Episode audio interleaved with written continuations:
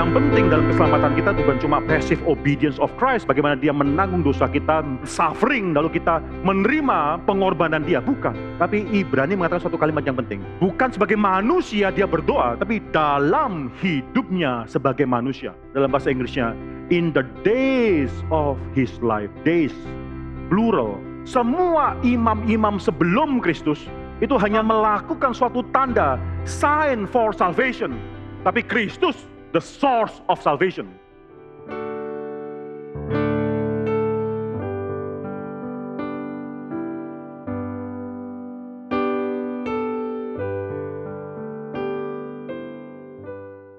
Fokus kita pada hari ini tetap membicarakan Ibrani pasal 5, ayat 5 sampai dengan ayat yang ke-10 itu bagian Alkitab yang sangat penting sekali. Bicara mengenai keimaman Kristus. Saudara saya akan membacakan Ibrani pasal 5 ayat 1 sampai 4, lalu saudara membacakan bersama-sama ayat 5 sampai dengan ayat yang ke-10. Demikianlah firman Tuhan. Sebab setiap imam besar yang dipilih dari antara manusia ditetapkan bagi manusia dalam hubungan mereka dengan Allah, supaya mempersembahkan persembahan dan korban karena dosa. Ia harus dapat mengerti orang-orang yang jahil dan orang-orang yang sesat atau lebih tepat tersesat, karena ia sendiri penuh dengan kelemahan yang mengharuskannya untuk mempersembahkan korban karena dosa, bukan saja bagi umat tetapi juga bagi dirinya sendiri. Dan tidak seorang pun yang mengambil kehormatan itu bagi dirinya sendiri, tapi dipanggil untuk itu oleh Allah seperti yang telah terjadi dengan Harun lima.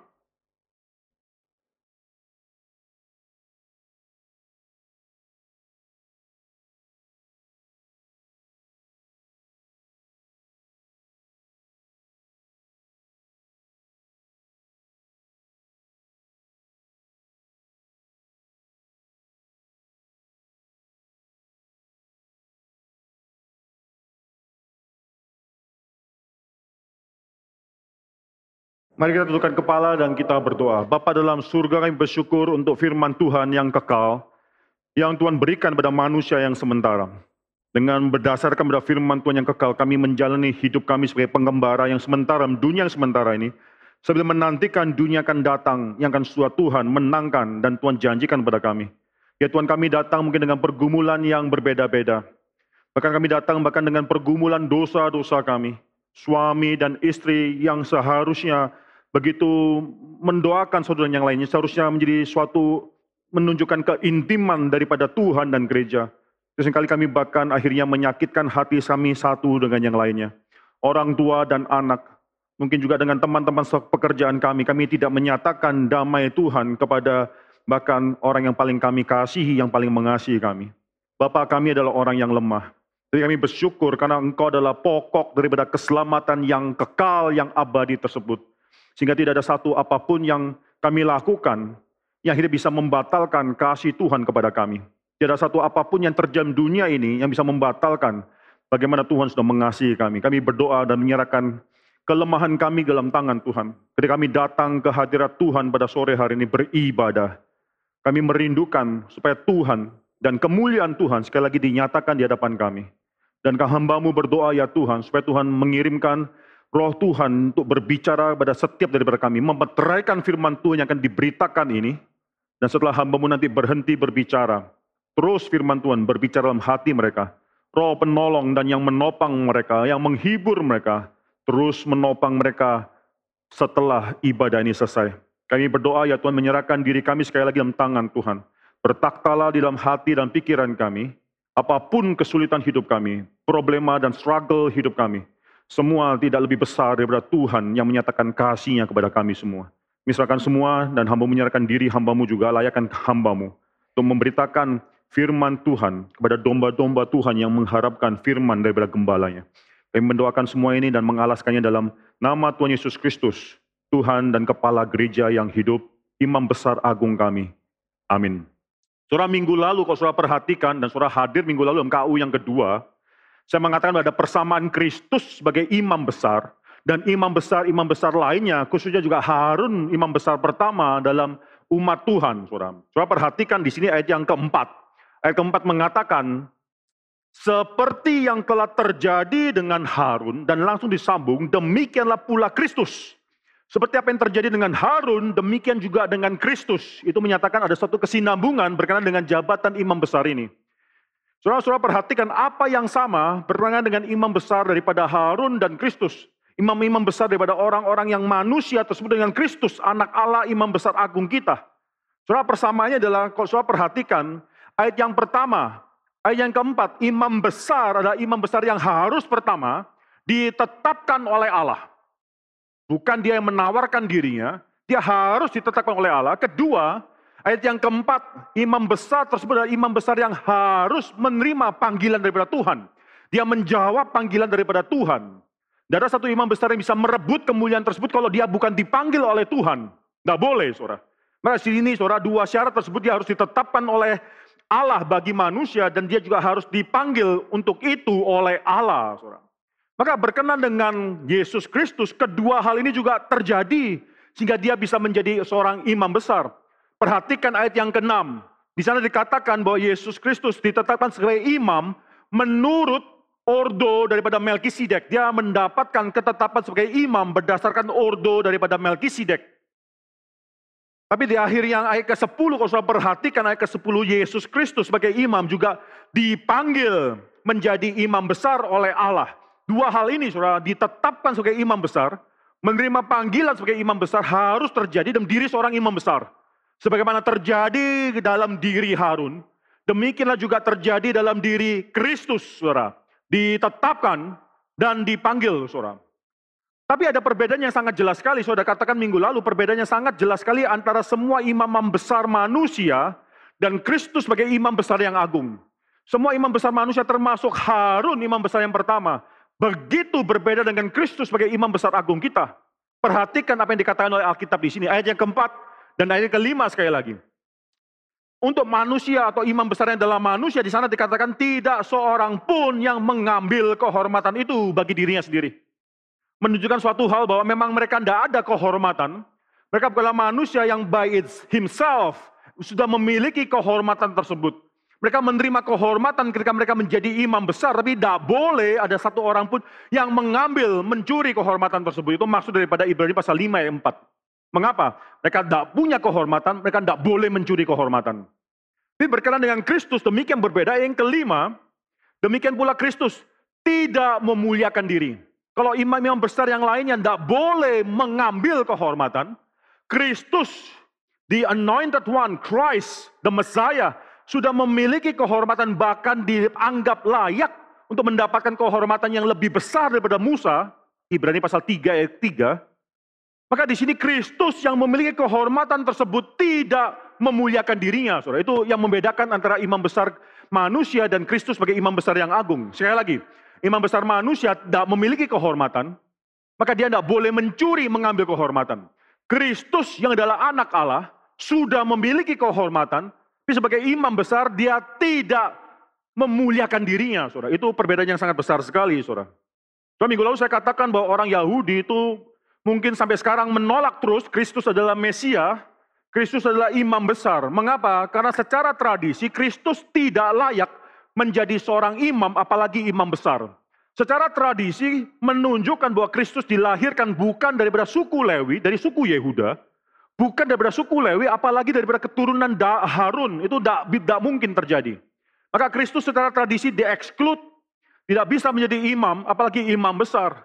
Tapi saya katakan, saudara, dan ini kita harus perhatikan baik-baik, orang reform itu sangat menghargai tradisi. Orang reform dengan sola skripturanya itu berbeda dengan orang-orang banyak sekali gereja-gereja protestan pada saat ini. Bukan berpegang pada prinsip sola skriptura, tapi pada prinsip solo skriptura, saudara. Ini sangat berbeda sekali. Saya sudah jelaskan kemarin dalam PD atau Reform Bible Study hari Jumat. Sola Scriptura mengatakan bahwa Alkitablah yang menjadi the norming norm. Tradisi tetap adalah norm, tapi tradisi adalah norm yang distandarkan, norm-norm distandarkan oleh Alkitab yang adalah the only norming norm. Solo Scriptura adalah orang yang mengatakan hanya Alkitab saja, bukan Scripture alone, but Scripture only. Bukan tradisi, dan tradisi tidak memainkan peran sama sekali dalam hidup keagamaan mereka. Mereka tidak peduli dengan mungkin creeds atau pengakuan iman yang sudah diberikan oleh Tuhan dalam sejarah. Mereka tidak mempedulikan hal tersebut. Mereka sekarang menjadi orang Kristen yang independen. Tidak ada pengakuan iman yang menyatukan mereka, tidak. Hanya Alkitab saja dan bagaimana kita menginterpretasikan Alkitab dan roh kudus berbicara pada kita dalam menginterpretasikan Alkitab pada saat itu saja. Soalnya kita demikian berbeda, kita mengatakan tradisi demikian penting, tapi di bawah Alkitab. Salah satu bukti yang menunjukkan bagaimana Alkitab adalah norming norm, Usah perhatikan di dalam Nisia Constantinople Creed atau pengakuan iman Nisia Konstantinopel, kita sudah mengakui pengakuan iman ini mungkin paling sedikit empat kali sejak bulan Oktober tahun yang lalu, saudara. Kalau di sana usah perhatikan, dikatakan bahwa roh kudus itu keluar daripada Allah Bapa dan Allah Anak. Saudara di dalam translation Nisia Konstantinopel 381 Masehi yang asli, kata dikeluarkan keluar daripada Allah Anak itu tidak ada, saudara. Jadi roh kudus hanya keluar daripada Allah Bapa, tambahan Allah anaknya itu tidak ada. Tapi mengapa gereja barat, orang reform tidak segan menerima perubahan, menggantikan konsili suatu ecumenical creeds yang sudah diterima oleh semua gereja dan kita rubah konsili tersebut. Walaupun itu adalah suatu tradisi, tapi Alkitab di atas tradisi. Kalau perlu pengakuan iman itu di-adjust untuk sesuai, lebih sesuai dengan Alkitab. Itulah mengapa kita katakan Alkitab is the only norming norm, bukan tradisi. Tapi orang reform tidak menghina tradisi. Orang reform mencintai tradisi sebagai pernyataan bagaimana Tuhan juga bekerja di dalam sejarah. Sekali lagi, saudara, orang reform tidak menghina tradisi. Tapi sering kali yang terjadi adalah tradisi menjadi berhala. Kristus tidak bisa menjadi imam besar karena tradisi. Nah, dia bukanlah keturunan daripada Lewi, apalagi keturunan daripada Harun. Tradisi menjadi berhala. Demikian juga pada hidup pada zaman gereja mula-mula ada Judaizer. Judaizer adalah orang-orang Yahudi jadi orang Kristen, lalu menggunakan tradisi mereka, pengalaman hidup mereka, dan ekstrapolet terhadap orang-orang Yahudi menjadi orang Kristen. Mereka katakan, kok enak kalian menjadi orang Kristen tanpa harus melalui proses yang kita lalui dengan susah payah kita harus disunat pada hari yang ke-8. Kita harus mentaati hukum Taurat daripada Musa. Demikian juga dengan kamu, kalau kamu mau menjadi orang Kristen, kamu juga harus melalui tradisi semacam demikian. Soalnya begitu banyak alasan tradisi yang menjegal kita dalam kita akhirnya melayani Tuhan, melihat kebesaran Tuhan. Di dalam gereja, saudara berhati-hatilah, jangan sampai kita akhirnya menggunakan tradisi, ini Pak Tong terus ingatkan kita, saudara, menggunakan tradisi yang dan kekakuan daripada tradisi, akhirnya melemahkan dan menggagalkan pekerjaan Tuhan dan dinamika pekerjaan Tuhan. Maka Patung katakan harus ada exception. Harus ada exception. Memang tidak sembarang orang bisa klaim exception, tapi ini mengingatkan kita bahwa kita tidak menjadikan tradisi sebagai berhala kita. Berhati-hati, saudara. Demikian juga dengan pelayanan kita di dalam, khususnya dalam Geri Karawaci di tempat ini. Jangan cuma mengatakan pada saya, ini kebiasaan kita selama ini kita melayani Tuhan. Saya akan tanya pada saudara, mengapa harus menyandarkan diri dan pelayanan kita ke depan berdasarkan dengan semua yang sudah kita nikmati selama ini. Jadi kebiasaan kita. Hati-hati, saudara, tradisi bisa menjadi suatu hal yang menjadi berhala kita. Saudara, di sini maka dikatakan di sini Allah sendiri yang menetapkan Harun sebagai imam besar. Sekarang Allah sendiri menetapkan Kristus sebagai imam besar. Orang yang mengatakan Kristus tidak bisa menjadi imam dan imam besar karena tradisi, mereka sudah lupa bahwa sistem keimaman dalam orang Yahudi itu pun berdasarkan dan didirikan di atas suatu exception daripada Tuhan. Di antara 12 suku orang Israel, suatu hal yang exception Tuhan berikan pada suku Lewi menjadi imam. Bukan karena dia memiliki hak untuk menjadi imam, enggak, itu diberikan oleh Tuhan. Di antara semua suku Lewi, suatu hal yang exceptional Kok Tuhan akhirnya memberikan kepada Harun dan akhirnya anak cucu dan keturunan daripada Harun menjadi imam besar. Harun menjadi imam besar bukan karena dia keturunan daripada imam besar atau keturunan daripada Harun, tidak mungkin. Suku Lewi bisa menjadi imam bukan karena suku Lewi itu sendiri, tapi karena satu exception yang Tuhan berikan. Oleh karena itu penulis Ibrani sudah mengatakan satu kalimat yang penting. Kalau Tuhan sudah menetapkan Harun sebagai imam, dan bukan karena dia berhak untuk mengambil kemuliaan tersebut, karena dia dipanggil menjadi imam. Dia ditetapkan sebagai imam. Sekarang Tuhan juga berhak menetapkan Yesus Kristus yang bukan keturunan daripada Harun menjadi imam. Tuhan yang satu memanggil Harun, menetapkan Harun menjadi imam. Tuhan yang satu juga menetapkan dan memanggil Yesus sebagai imam. Itu harus kita mengerti dalam teologi kristologi semacam demikian. Maka di sini saudara-saudara perhatikan, ada satu hal yang unik. Kenapa? Karena tradisi keimaman daripada Harun harus berhenti dan digantikan kepada keimaman daripada Yesus Kristus yang kekal sekali untuk selama-lamanya. Mengapa ini harus diberhentikan dan dilanjutkan kepada Yesus Kristus? Ada dua alasan yang saya katakan minggu lalu, saudara. Yang pertama adalah karena memang keimaman daripada Lewi itu tidak kekal hanya untuk sementara saja. Dari mana kita mengetahui hal ini? Bahkan seluruh imam daripada suku Lewi itu mati satu persatu. Bahkan imam besarnya pun harus mati dan harus digantikan menunjukkan keimaman daripada Lewi, imam besar daripada Harun tersebut memang tidak kekal, saudara. Nanti hanya Kristus yang akhirnya dibangkitkan dan menjadi imam yang kekal masuk ke dalam tempat yang maha kudus yang bukan daripada buatan tangan manusia masuk satu kali dan untuk selama-lamanya mereka harus masuk keluar masuk setiap tahun satu kali keluar lagi saudara. Mereka tidak bisa sebagai imam besar manusia untuk tinggal di dalamnya karena mereka sendiri masih berdosa. Tapi Kristus yang dalam segala hal sama dengan kita kecuali dosa dia masuk dalam tempat yang maha kudus sekali untuk selama-lamanya. Dia adalah imam besar yang kekal Saudara sekali lagi, saudara, mengapa kok akhirnya keimaman daripada Lewi, daripada imam besar daripada Harun itu harus berhenti? Karena memang tidak kekal.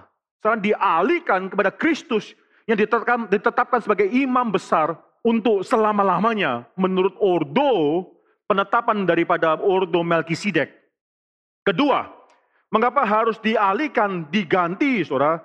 Karena semua yang mereka lakukan sementara tersebut itu adalah cuma tanda a sign terhadap suatu hal yang akan terjadi. Mereka hanya tanda terhadap janji yang sudah dijanjikan tersebut. Ketika janji itu datang, tanda ini sudah tidak perlu ada lagi. Perhatikan saudara, tanda itu bukanlah janji itu. Tanda pengorbanan mereka atau bait Allah atau imam, pengampunan dosa, darah, sunat dan lain sebagainya itu cuma tanda, bukan janji. Maka ketika tanda janji tersebut sudah datang dan digenapkan dalam Kristus, ini semua harus berhenti. Tapi yang sering terjadi adalah akhirnya yang adalah tanda tersebut menjadi yang kita harapkan sebagai janji. Orang Israel, orang-orang anak-anak Tuhan tersebut, ketika Yesus disalibkan, yang adalah janji tersebut disalibkan di atas kayu salib pada hari itu juga. Mereka sedang celebrate, merayakan tanda keselamatan, menyembeli domba-domba mereka. Mereka menolak Kristus. Mereka mengatakan inilah keselamatan tersebut. Inilah janji tersebut. Mereka tidak sadar, mereka lupa itu hanyalah tanda. Saya percaya saudara bait Allah akhirnya dihancurkan. Sistem keimaman dan pengorbanan dan imam besar dan sebagainya. Itu semua harus berhenti karena mereka lebih percaya kepada tanda daripada janji yang sudah diberikan tersebut, digenapkan tersebut. Terus kali ini terjadi dalam hidup orang Kristen juga. Saudara jangan lupa bahwa sakramen, baik itu baptisan, maupun perjamuan kudus itu hanyalah tanda, bukanlah keselamatan itu sendiri. Sehingga saudara dalam hidup sebelum reformasi pernah terjadi di mana sakramen itu dianggap sebagai keselamatan. Kalau engkau dibaptiskan, itulah anugerah Tuhan datang padamu. Kalau engkau mati tanpa dibaptiskan, otomatis engkau masuk dalam api neraka dan seterusnya. Itu menjadikan tanda menjadi janji, saudara. Itu itu salah kesalahan besar dan saya percaya itu salah satu alasan mengapa reformasi harus terjadi. Mengapa? Karena gereja sudah salah melangkah dan menetapkan yang namanya tanda menjadi janji. So di dalam reform, sakramen itu penting. Dan kalau saya melihat daripada tahun lalu, saya terus mengusahakan supaya sakramen perjamuan kudus itu bisa dilakukan setiap bulan. Dan saya katakan demikian pentingnya sakramen perjamuan kudus. Bukan hanya sebagai lambang kita mengingat Tuhan, tapi waktu kita memakan roti dan minum air, uh, minum anggur tersebut, itu kita sedang benar-benar memakan tubuh dan meminum darah Kristus, bukan dalam dunia ini, tapi di surga. Roh kita diangkat ke surga untuk menikmati Kristus and feed on the whole Christ. Makan the whole Christ, keseluruhan daripada Kristus, itu daging dan darah dia, saudara. Itu tanda kita dipersatukan. Tetapi, saudara, perjamuan kudus tidak ada artinya tanpa disertai oleh pemberitaan firman Tuhan. Melalui pemberitaan firman Tuhanlah, maka orang mendapatkan iman kepercayaan. Soalnya mungkin salah satu yang sangat clear sekali ada pertanyaan, oh saudara mungkin pernah mengenal pertanyaan ini, saudara. Apakah diperbolehkan kita menerima konsep emergency baptism atau baptisan baptis darurat, saudara. Apa maksudnya ini? Terus sekali orang bertanya, mengabarkan Injil di rumah sakit, lalu pada saat itu orang yang sudah megap-megap menerima Tuhan sebelum mau mati, 10 menit lagi meninggal. Dia adalah orang yang belum percaya dan akan meninggal 10 menit lagi, saudara boleh baptiskan atau enggak? Lalu saudara mulai telepon, pendeta David, pendeta Budi, wah sedang ada di luar kota loh, di mana tidak bisa ada yang datang. Saudara telepon pendamba hamba Tuhan Gary yang lain, tidak ada yang bisa datang. Hamba-hamba Tuhan pendeta-pendeta ini adalah yang diordain untuk menjalankan, memberitakan firman Tuhan dan menjalankan sakramen. Lalu saudara telepon satu pun tidak ada yang datang, lalu saudara pikir boleh tidak saya sendiri yang membaptiskan, saya nggak diordain. Tapi boleh tidak saya membaptiskan ini emergency darurat. Saudara maka yang membedakan teologi reform salah satunya adalah ini dengan teologi-teologi yang lain. Calvin dalam institut pasal yang buku yang keempat mengatakan against melawan emergency baptism, baptisan yang darurat tersebut. Mengapa? Karena baptisan itu bukanlah keselamatan. Kalau kita memastikan orang itu harus dibaptiskan, justru kita sedang mengatakan baptisan itulah yang menyelamatkan orang tersebut, saudara. Maka Calvin mengatakan tidak perlu. Hanya ordained minister yang bisa melakukan baptisan. Kalau memang tidak bisa dibaptiskan, asal orang itu sudah percaya, dia sudah disatukan kepada Kristus. Baptisan itu hanyalah tanda persatuan dia dengan Kristus, bukan persatuan itu sendiri. Ini sangat penting sekali, saudara. Ini membedakan akhirnya tanda yang dilakukan oleh imam-imam dalam perjanjian lama itu semua cuma tanda saja. Dan ketika akhirnya janji tersebut digenapkan, berhenti, harus berhenti. So, kalau saya perhatikan ada satu kalimat yang penting dalam ayat yang ke-9, ini sekali lagi akan membedakan Kristus dengan semua imam yang besar yang lain. Kristus sebagai imam besar yang agung dibedakan dengan imam besar yang lain. Ayat ke-9 penting sekali, saudara. Dan sudah ia mencapai kesempurnaannya, ia menjadi pokok keselamatan yang abadi. The source of eternal salvation itu adalah Kristus. Bagi saya, saudara, itu kalimat yang sangat penting sekali. Ini sangat akan kalau kita baca, tidak ada arti, tapi sangat dalam sekali. Mengapa? Perhatikan, semua imam-imam sebelum Kristus itu hanya melakukan suatu tanda, sign for salvation. Tapi Kristus, the source of salvation. Ini sudah beda sekali.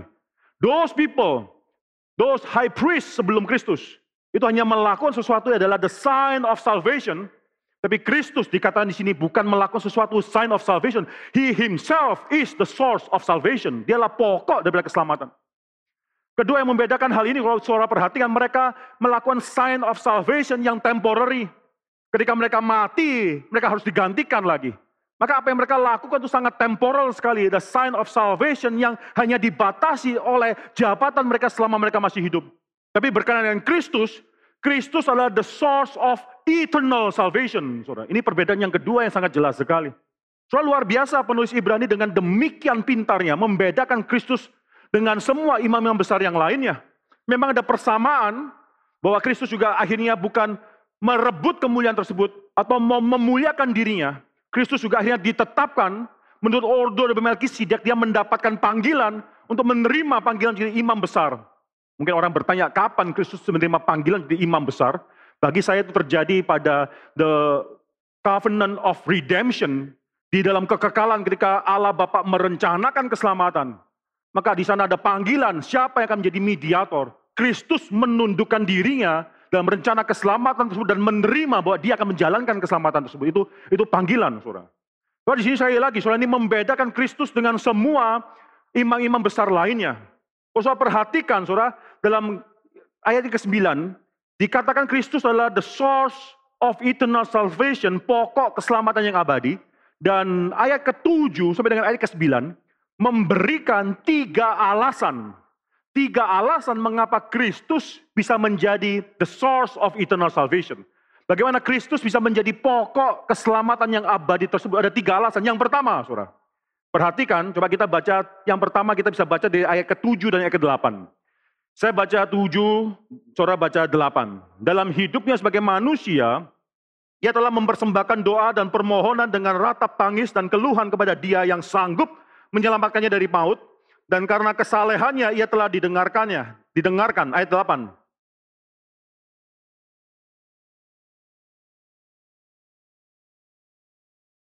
Saudara ada hal yang pertama yang penting bagaimana Kristus bisa menjadi the source of eternal salvation. Yang pertama, alasan yang pertama adalah inkarnasi.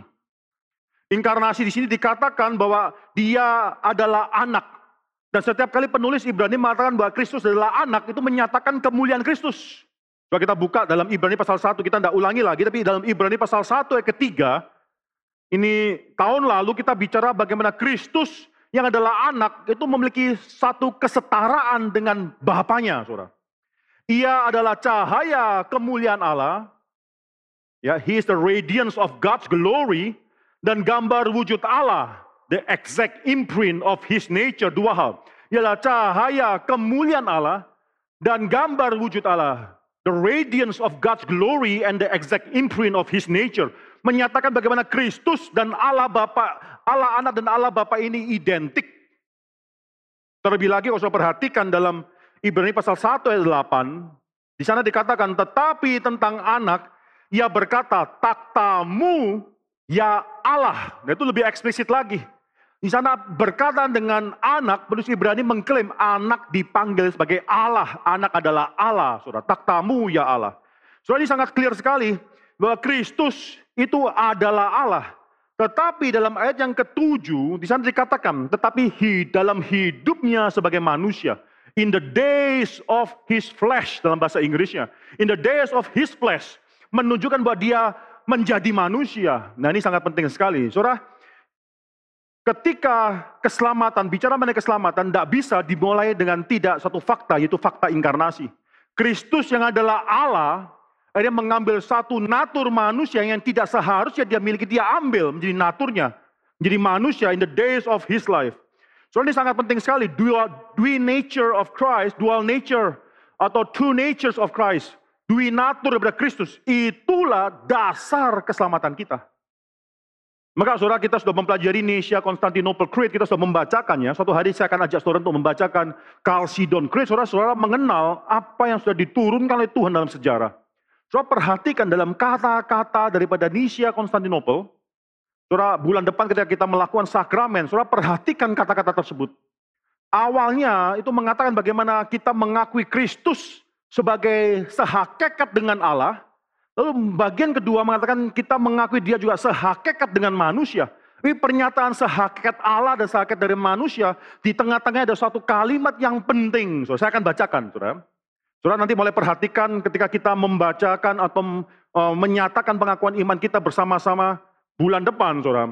Nisia Konstantinopel, kami percaya kepada satu Tuhan Yesus Kristus, anak tunggal Allah, diperanakan dari Bapa sebelum segala zaman.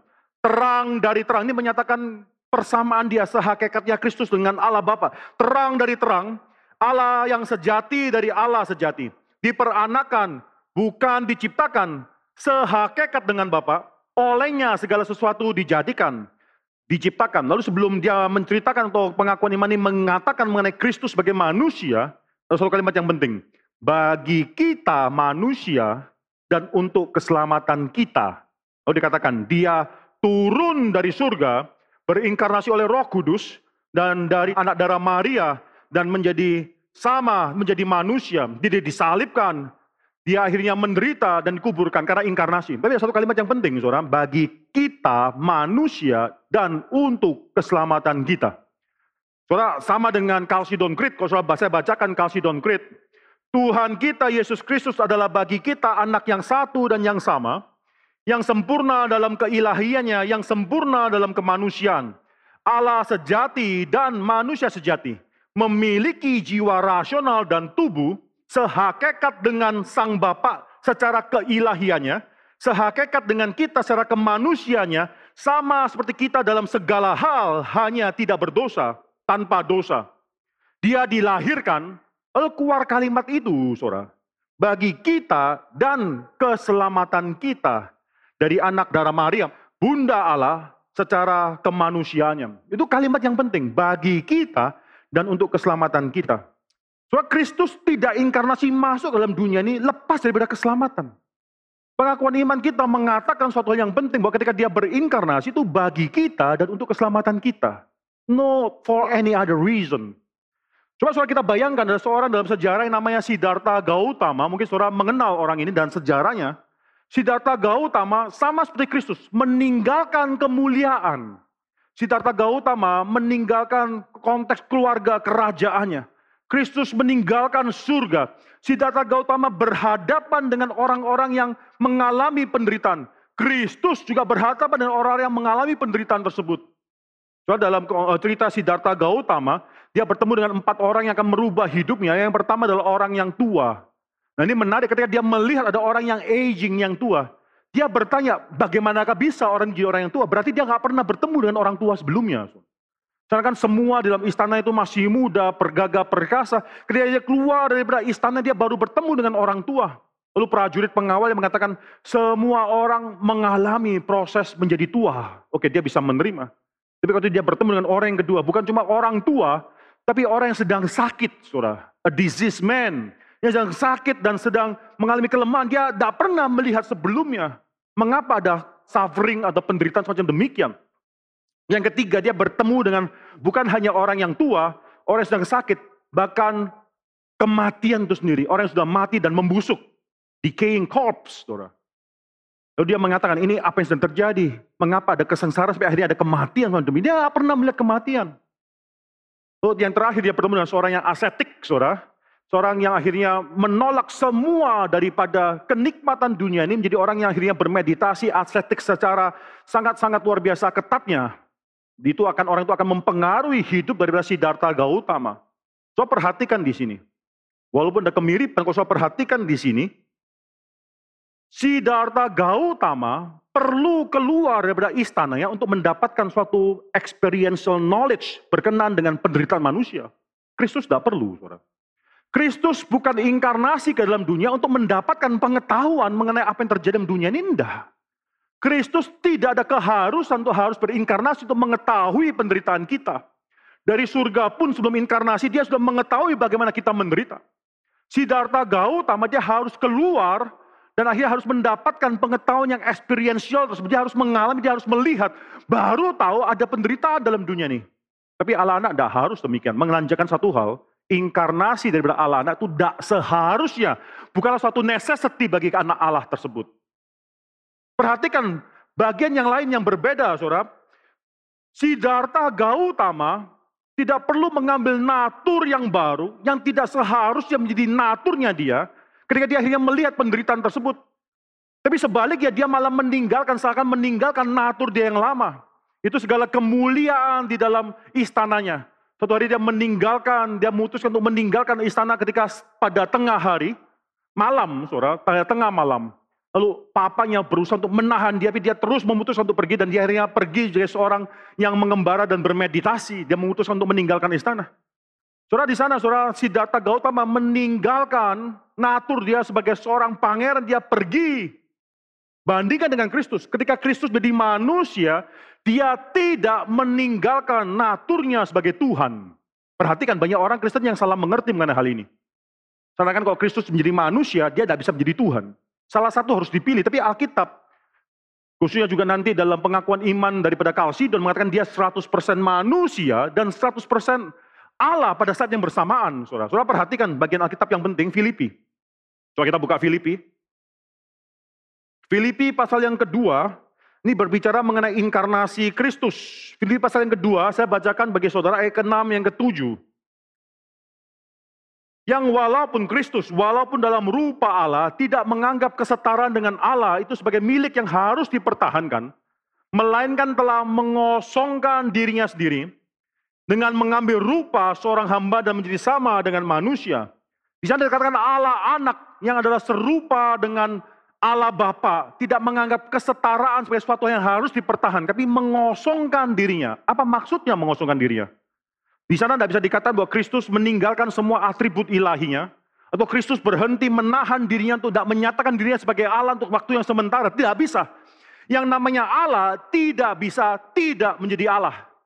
Maka di sini saudara yang terjadi adalah Kristus mengosongkan dirinya dengan cara mengambil sesuatu yang tidak seharusnya menjadi natur, yaitu natur manusia.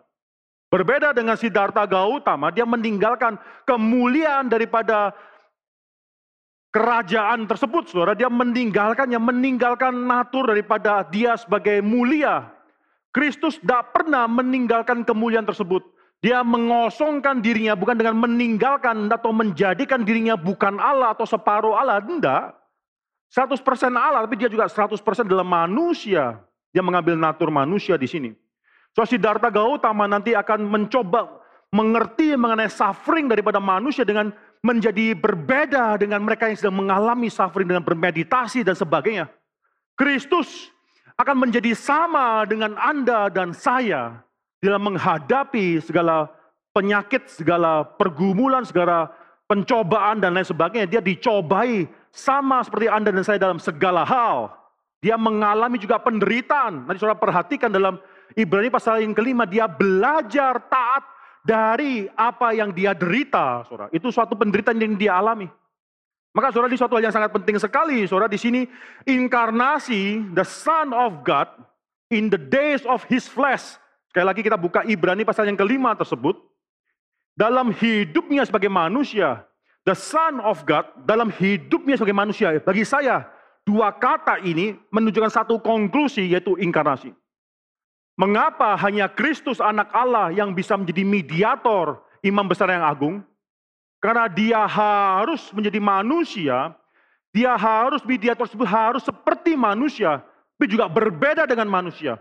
Dia harus seperti dengan manusia, memiliki natur manusia karena manusia yang berbeda, yang berdosa kepada Tuhan. Maka manusia yang harus menebus dirinya sendiri. Maka Kristus menjadi manusia supaya bisa menawarkan pengorbanan, pengampunan dosa di hadapan Tuhan. Tapi media tersebut harus juga berbeda dengan manusia. Dia harus tidak berdosa, surat. Maka semua yang dia lakukan itu akhirnya bisa diterima oleh Allah, surat. Saudara yang kedua, saudara, inkarnasi adalah hal yang pertama yang kita pelajari, yang harus terjadi supaya Kristus bisa menjadi the source of eternal salvation. Dia tidak bisa menjadi mediator yang hanya mendeklarasikan pengampunan dosa dari surga. Tidak, dia harus inkarnasi, dia harus masuk, saudara. Dia harus masuk ke dalam dunia. Tapi yang kedua, tidak cukup masuk, lalu dia hanya masuk dan langsung ke salib. Tidak boleh.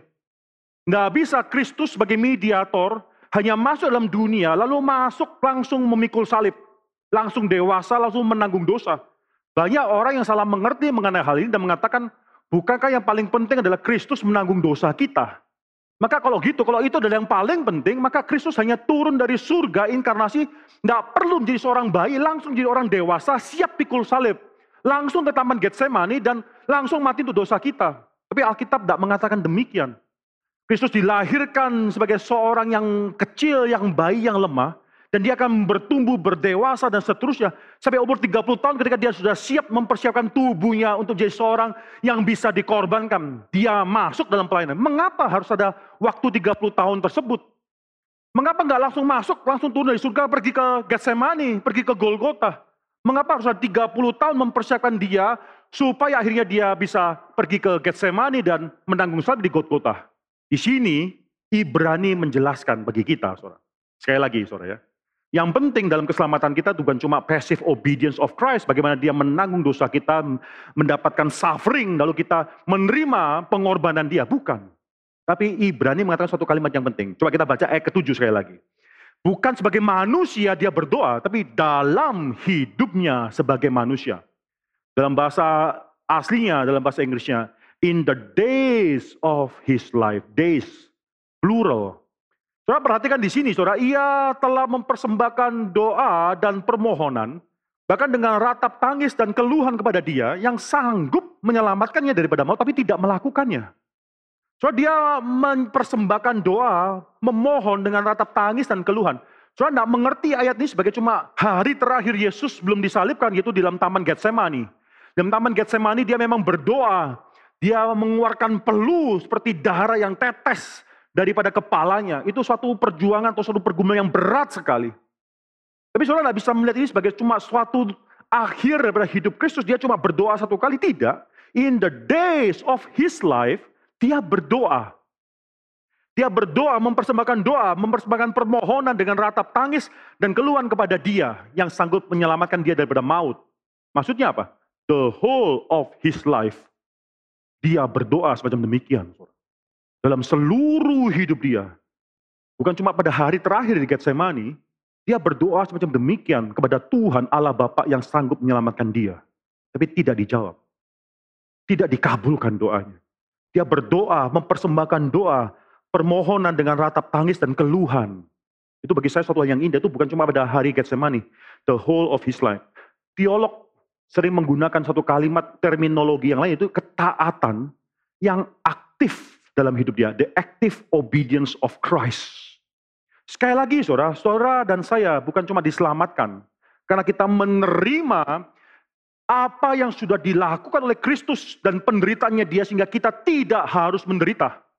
Kita diselamatkan karena kita juga menerima, diimputasikan the active obedience of Christ yang setiap hari berjuang sedemikian rupa untuk taat kepada Tuhan.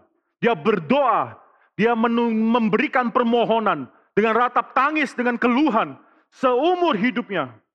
Tapi dia tetap setia, walaupun nanti saudara bisa melihat Allah itu sanggup untuk menyelamatkan dia daripada maut, tapi tidak lakukan. Saudara. Tidak deliver dia daripada maut. Tapi dia tetap setia. Saudara, mengapa ini penting? Saudara? Saudara, saya ceritakan seorang yang namanya John Gresham Mason, saudara, seorang pendiri daripada Westminster Theological Seminary. Dia merasakan dalam hidup akhir hidup dia bagaimana PCUSA, Presbyterian Church of the United States of America, itu sudah makin lama makin liberal dan menjadi liberal. Maka apa yang dia lakukan, dia adalah profesor daripada New Testament dan apologetika di dalam Princeton Theological Seminary yang pada saat itu sudah menjadi liberal karena gereja yang menaungi itu liberal. Maka apa yang dia lakukan, dia keluar daripada Princeton, seorang Greek scholars, New Testament scholars yang sangat terkenal sekali, dengan buku-buku yang sangat banyak dibaca oleh orang pada saat itu. Dia keluar dan akhirnya dia mendirikan Westminster Theological Seminary tahun 1929 itu permulaan daripada Westminster. Pada saat itu ada beberapa orang PhD student dari Princeton Theological Seminary yang juga ikut keluar, maka tahun 1930 Westminster Theological Seminary sudah melakukan graduation bagi mereka, saudara. Maka apa yang terjadi, saudara? Maka dalam hidup dia, dia pernah melihat bagaimana PCUSA semakin lama menjadi semakin liberal. Dia melihat bagaimana orang-orang Kristen yang sederhana, yang mungkin tidak banyak mengerti mengenai hal ini, memberikan persembahan pada missionary-missionary di luar, foreign mission foreign missionaries, saudara, tapi akhirnya uang tersebut dipakai untuk mendukung missionary-missionary yang liberal. Maka dia melakukan suatu hal yang akhirnya membuat PCUSA marah kepada dia. Dia set up independent foreign mission board, di mana orang Kristen bisa memberikan persembahan ke sana dan dia akan berikan kepada missionary-missionary yang masih konservatif di luar, saudara. Bukan missionary-missionary yang liberal, yang percaya kepada Injil. Karena oleh PCUSA dikatakan bahwa dia sudah mencuri uang gereja. Maka apa yang terjadi? Dia dicopot daripada jabatan kependetaan dia. 1936. Dalam tahun 1936 dia keluar karena dia sudah dicopot jabatan kependetaan daripada PCUSA. Dia mendirikan sinode yang baru namanya OPC yang kita kenal sekarang sebagai Orthodox Presbyterian Church. Saudara waktu OPC masih sangat muda pada saat itu, banyak gereja juga keluar daripada PCUSA dan bersama dengan dia bergabung buat satu sinode yang baru. Maka pada akhir tahun daripada 1936, enam bulan setelah OPC didirikan, masih sangat-sangat rentan, saudara. Itu dia diundang ke, kalau saya salah, South Dakota. Saudara, dia pergi ke South Dakota, ada suatu gereja OPC yang kecil, di satu kota yang kecil di South Dakota. Pada saat itu dia harus naik kereta api berhari-hari dalam winter yang sangat dingin tersebut. Dia mendapatkan pneumonia, saudara. Dia mendapatkan sakit paru-paru tersebut. Dan akhirnya dalam 1 Januari tahun baru 1937 dia meninggal. Dia meninggal. Ini pada saat itu OPC itu mengalami suatu kehilangan yang luar biasa sekali. Pimpinan mereka daripada sinode OPC baru berdiri enam bulan, sudah, sudah meninggal. Saudara yang menarik adalah dia menuliskan suatu telegram, saudara satu telegram kepada dia tidak punya istri, dia nggak punya anak, orang tua yang sudah meninggal. Dia mengirimkan telegram kepada sahabat baiknya John Murray di Westminster Theological Seminary, seorang professor of systematic theology. Seorang. Dia menuliskan, dan dia menuliskan hanya 14 kata karena telegram itu mahal. Pada saat itu, saudara. Jadi harus singkat, 14 kata dia tuliskan. Nah saya mau tanya, saudara, kalau saudara sudah mau meninggal, kira-kira kata-kata terakhirmu itu apa, saudara? Kalau saya sering pikirkan hal ini, kalau saya sudah mau meninggal, sudah di atas ranjang kematian saya, dikelilingi dengan orang-orang yang mengasihi saya, ada keluarga dan jemaat. Saya mau ngomong apa kira-kira? Itu saya terus pikirkan, saudara. karena itu menentukan apa yang paling penting dalam hidup kita. Saudara, orang sekarang tidak mengerti berkata pentingnya kata-kata. Mengapa? Karena kata-kata itu murah di zaman ini. Kalau kita mau bicara dengan orang lain pakai WhatsApp, wah itu ratusan kata, tapi mungkin tidak ada yang penting di dalamnya, saudara ya. So, saya ajarkan Anda-Anda semua yang sedang mau pacaran, pakai teknik lama. Yaitu apa? Tulis pakai tangan. Tulis surat, lalu kirimkan kepada uh, kekasihmu. Saudara, waktu dia dapatkan, dia menunggu dua bulan, tidak dapat-dapat. Waktu hati gelisah, tapi akhirnya mendapatkan sukacita. Saudara, saya pernah alami hal tersebut dengan istri saya. Waktu itu jarang istri, saudara, waktu itu pacar, saudara. Saya tulis dari Amerika, Indonesia, itu tulis pakai tangan, saudara. Waktu mendapatkan, lihat tulis tangan dia, lalu membaca itu sukacita yang berbeda dengan email, dengan WhatsApp, itu impersonal sekali, saudara. Bahkan kalau sekarang happy anniversary, saudara mau kirim bunga, bukan kirim bunga, saudara kirim foto bunga, saudara. Foto bunga dikirim send, happy anniversary honey gitu ya. Saudara, saudara kirim dengan foto bunga saja, so impersonal. Tapi kalau dulu saudara, saya buat sesuatu, dia buat sesuatu, kirim, tunggu begitu lama, mendapatkan, menghargainya. Wah itu luar biasa indah, romantik, saudara, benar-benar romantik. Jangan lupa, sebentar lagi 14 Februari, saudara, Tulis tangan, saudara, tulis tangan. Do, do something with your hand. Saudara, itu kata-kata saya sudah nggak ada artinya karena terlalu murah kata-kata tersebut. Bahkan telepon pun murah sekali sekarang. Bahkan bukan cuma murah, gratis. Bukan cuma gratis, bukan cuma telepon gratis, bisa lihat muka demi muka, FaceTime, saudara. Tapi kalau dulu saudara itu luar biasa mahalnya komunikasi. Maka di sini saudara indah sekali. Mission saudara pada hari terakhir dia, dia berbicara pada sahabatnya. Dia pilih 14 kata Nanti saudara pikirkan ya, setelah saudara dengarkan khotbah ini dipulang di rumah, kalau saudara mau mati pilih, pilih kata apa saudara? Dia katakan 14 kata tersebut. I am so thankful for the active obedience of Christ. No hope without it. 14 kata. Saya sungguh bersyukur kepada ketaatan aktif daripada Kristus. Tidak ada pengharapan tanpanya. 14 kata. Nah ini saudara, mengapa active obedience itu demikian penting? Perhatikan. Ini ayat 7 itu terlalu penting. Nggak usah saudara baca pintas lalu tidak ada artinya. Ini bicara mengenai perjuangan Kristus seumur hidup untuk taat. Saudara yang diimputasikan kepada kita adalah kebenaran Kristus. Ketaatan Kristus diberikan kepada kita, tapi bukan cuma hari-hari terakhirnya dia. Yang diimputasikan kepada kita itu bukan pengorbanan Kristus yang menggantikan dosa kita. Saudara kalau Kristus hanya datang dan perlu cuma pengorbanan dosa dia, maka dia langsung datang dengan tubuh yang siap untuk menanggung salib. Dia pergi ke dalam taman Getsemani, dia pergi ke Golgota lalu memberikan kepada kita pengampunan dosa, mewakili kita di atas kayu salib di hadapan Tuhan. Tapi itu tidak cukup. Yang diberikan kepada kita bukan cuma passive obedience of Christ.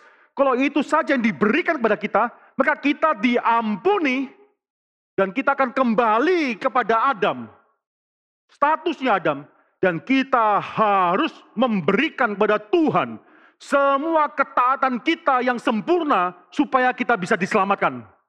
Tidak ada jaminan keselamatan kalau hanya itu yang kita terima daripada Kristus. Sekali lagi, kalau kita hanya menerima pengampunan dosa, setelah kita diampuni dosanya, maka kita akan dikembalikan statusnya seperti kepada Adam. Adam sendiri pun tidak bisa taat 100% kepada Tuhan, dia jatuh, apa jaminanmu? Kalau engkau hanya dikembalikan pada statusnya Adam, engkau bisa mendapatkan keselamatan yang kekal. Tidak ada jaminan, saudara. Maka di sini, saudara, apa yang diberikan kepada kita, yaitu ketaatan aktif daripada Kristus, supaya kita tidak lagi dituntut oleh Allah. Ketaatan sempurna sebelum mendapatkan keselamatan kekal. Tidak lagi. Kristus melalui apa yang dia berikan, the active obedience of Christ, kita menerimanya, kita akhirnya menerima secara imputasi tersebut, the active obedience of Christ, ketaatan yang aktif daripada Kristus yang memperjuangkan ketaatan seumur hidupnya. Dari awal sampai akhir dia taat pada Tuhan. Supaya kita tidak lagi perlu hidup taat 100% sebelum mendapatkan keselamatan. keselamatan. Jangan salah mengerti. Saya tidak mengatakan kita tidak perlu hidup taat. Tapi kita tidak lagi membasiskan keselamatan tersebut di dalam ketaatan kita yang sempurna. Tidak lagi, saudara. Active obedience of Christ, the passive obedience of Christ, itu diimputasikan kepada kita. Kalau passive obedience of Christ, sengsaranya dia, bahkan kematian di atas kayu salib diimputasikan kepada kita supaya kita tidak perlu mati di atas kayu salib. Demikian juga dengan ketaatan aktif dia sepanjang hidup. Taat di hadapan Tuhan. Supaya apa? Supaya keselamatan kita juga tidak bergantung kepada ketaatan sempurna kita. Kristus adalah Adam kedua. Kita tidak pernah menjadi Adam kedua lagi. Kristus adalah Adam yang kedua dan yang terakhir. Berarti kita bukanlah perwakilan diri kita. Kristus yang mewakili diri kita. Maka di sana, saudara, ini sangat clear. Ini keselamatan. Malah daripada itu, Kristus bisa menjadi the source of eternal salvation. Yang tidak bisa dilakukan oleh semua imam-imam yang lainnya. Sekali lagi saya ingatkan 14 kata yang dituliskan telegram daripada Mason kepada Murray, saudara. I am so thankful of Christ's active obedience. There is no hope without it. Tidak ada pengharapan tanpa ketaatan aktif daripada Tuhan. Dan ini dituliskan dalam Ibrani pasal 5 ayat ke-7. Dalam hidupnya sebagai manusia, in the days of his flesh, ia telah mempersembahkan doa dan permohonan dengan ratap, tangis, dan keluhan kepada dia yang sanggup menyelamatkan dia dari maut. Dan karena kesalehannya ia telah didengarkan itu pada saat nanti dia dibangkitkan. Saudara. Saudara yang ketiga yang penting. Yang pertama inkarnasi, dia harus inkarnasi. Kedua bukan cuma inkarnasi untuk menanggung dosa saja, itu tidak bisa. Dia bukan cuma inkarnasi, cukup dewasa, pergi ke Golgota, Getsemani, enggak, bukan. Inkarnasi, bahkan juga yang kedua, the active obedience, itu sangat penting sekali. Yang ketiga, bukan cuma obedience, tapi perfect obedience. Kesempurnaan. Itu dikatakan dalam ayat yang ke-8, saudara. Saudara perhatikan di sana. Dan sekalipun ia adalah anak, ia telah belajar menjadi taat. Itu selalu proses dalam hidup dia. Itu bukan karena dia langsung mengerti apa itu kata. Dia belajar menjadi taat. Dia belajar menjadi taat. Di sana dikatakan dari apa yang telah dideritanya, saudara. Itu tangisan, keluhan, doa, permohon, dan dia naikkan kepada Tuhan. Itu dia tahu Tuhan Allah Bapa sanggup melepaskan dia daripada maut, tapi tidak lakukan. Dia harus belajar taat. Soalnya indah sekali, saudara. Saya rasa dalam hidup anak Tuhan harus belajar bukan cuma taat, tapi belajar taat, saudara. Kita tidak mungkin bisa langsung 100% taat, enggak. Anak Tuhan masih bergumul dalam dosa. Tapi kita paling tidak belajar mau taat. Dan belajar taat itu pasti melalui penderitaan. Tidak ada orang yang tanpa penderitaan bisa langsung taat. Tidak ada. Semua proses ketaatan itu pakai suatu penderitaan. Tuhan pakai penderitaan supaya kita belajar taat. Kita tahu Tuhan bisa melepaskan kita dari kesulitan hidup ini. Tapi tidak dilakukan. Tapi kita tetap belajar taat. Saudara. Bukan karena kita belajar taat kepada Tuhan. Karena Tuhan selalu menyelesaikan problema hidup kita. Itu orang-orang yang tidak benar banyak gereja yang tidak benar. Saya beriman karena Tuhan memberikan berkat. Tidak, saudara. Bahkan kalau Tuhan tidak menyatakan belas kasihannya, itu tetap kita belajar taat. Karena kita tidak mengerti rencana Tuhan. Maka saudara di sini satu hal yang sangat indah sekali. Kristus bukan cuma inkarnasi masuk dalam ke dunia, memiliki tubuh, supaya bisa disalibkan. Tidak, dia melalui proses seorang anak. Lalu bertambah besar, bertambah besar. Itu belajar taat dalam seluruh hidupnya. Belajar bersandar kepada Tuhan. Belajar percaya pada janji-janji Tuhan. Belajar bersandar kepada Bapak yang mengasihi dia. Itu kita perlu lakukan semua. Ya ini akhirnya dia belajar taat sampai akhirnya menjadi ketaatan yang sempurna. Dan dari mana kita tahu itu adalah ketaatan yang sempurna, saudara? Ia dikatakan di sini ayat ke-9 dan sesudah ia mencapai kesempurnaannya. Saudara Kristus mencapai kesempurnaannya bukan dalam hal aspek dia sebagai Allah, bukan, tapi dia sebagai manusia. Perhatikan, saya percaya saudara ketika Kristus datang, dia datang dengan natur manusia Adam yang belum jatuh dalam dosa. Dia bukan datang dengan natur manusia, manusia yang sudah berdosa. Dalam teologi daripada penulis Ibrani, tidak mungkin Kristus yang adalah imam besar, yang adalah korban besar, datang dengan tubuh yang sudah berdosa itu adalah pengorbanan cacat di hadapan Tuhan. Tidak bisa, saudara. Kristus datang dalam selalu kesempurnanya sebagai Adam yang belum jatuh dalam dosa. Saya percaya itu, saudara. Sehingga dia bisa menjadi Adam yang kedua. Layak jadi Adam yang kedua yang terakhir karena sama seperti Adam yang pertama.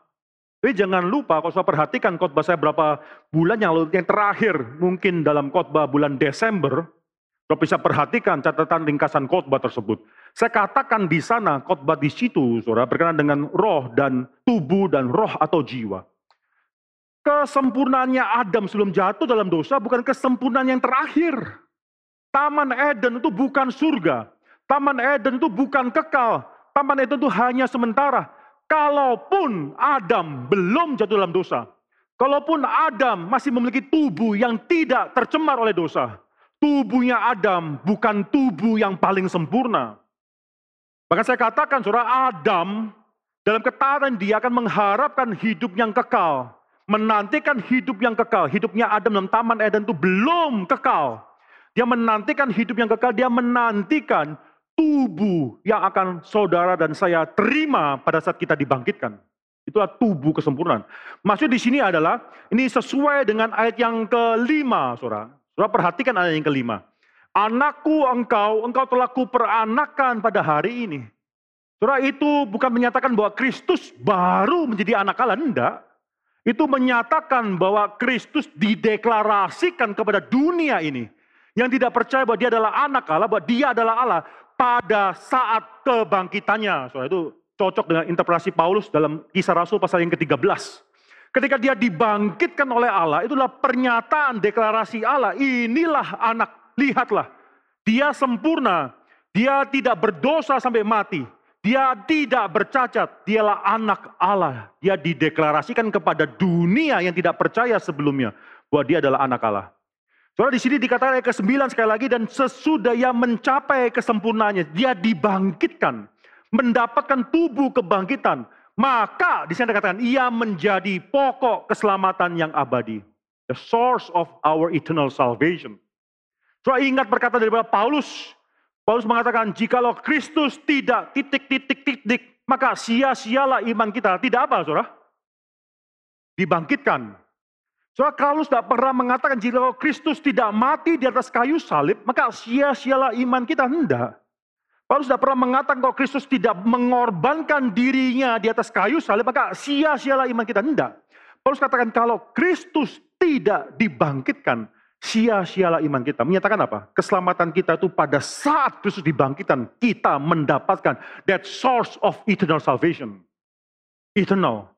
Karena dia disempurnakan pada saat dia dibangkitkan tersebut. Sebagai manusia. Surah Ibrani demikian indah memperlihatkan mengapa Kristus demikian berbeda dengan imam-imam yang lain. Kalau imam-imam yang lain dalam manusia, apa yang mereka lakukan hanyalah sign of salvation. Even temporary, Sementara saja. Tapi yang Kristus lakukan, He is the source of our eternal salvation. Dan tiga hal itu harus terjadi. Yang pertama sekali lagi, dia harus berinkarnasi. Yang kedua, bukan cuma berinkarnasi untuk menanggung dosa kita titik terakhir saja. Seumur hidup dia harus menyerahkan kepada Allah Bapak ketaatan aktif dia hari demi hari. Yang ketiga, bahkan sampai mati dan sampai pada saat kebangkitan dia mendapatkan kesempurnaan barulah dia menjadi pokok keselamatan yang abadi kita. Saudara minggu depan kita akan coba menyelesaikan Ibrani pasal yang kelima ini dan saudara akan menikmati suatu hal yang indah berkenaan dengan eksposisi kitab Ibrani. Mari kita tundukkan kepala dan kita berdoa. Bapa dalam surga ini bersyukur karena Kristus melalui inkarnasi dia, melalui active and passive obedience dia, melalui kesempurnaan dia sampai akhir dan dia disempurnakan. Dia menjadi bukan imam yang melambangkan keselamatan yang akan datang. Dia menggenapkannya. Bahkan dia menjadi the source, pokok daripada keselamatan kami semua. Kami bersyukur untuk suatu jaminan keselamatan yang seperti ini. Kami menyerahkan hidup kami dalam tangan Tuhan. Kami menyerahkan gereja ini dalam tangan Tuhan. Bertaktalah di atas gereja ini, menjadi raja dan kepala gereja ini. Dalam nama Tuhan Yesus Kristus kami berdoa. Amin.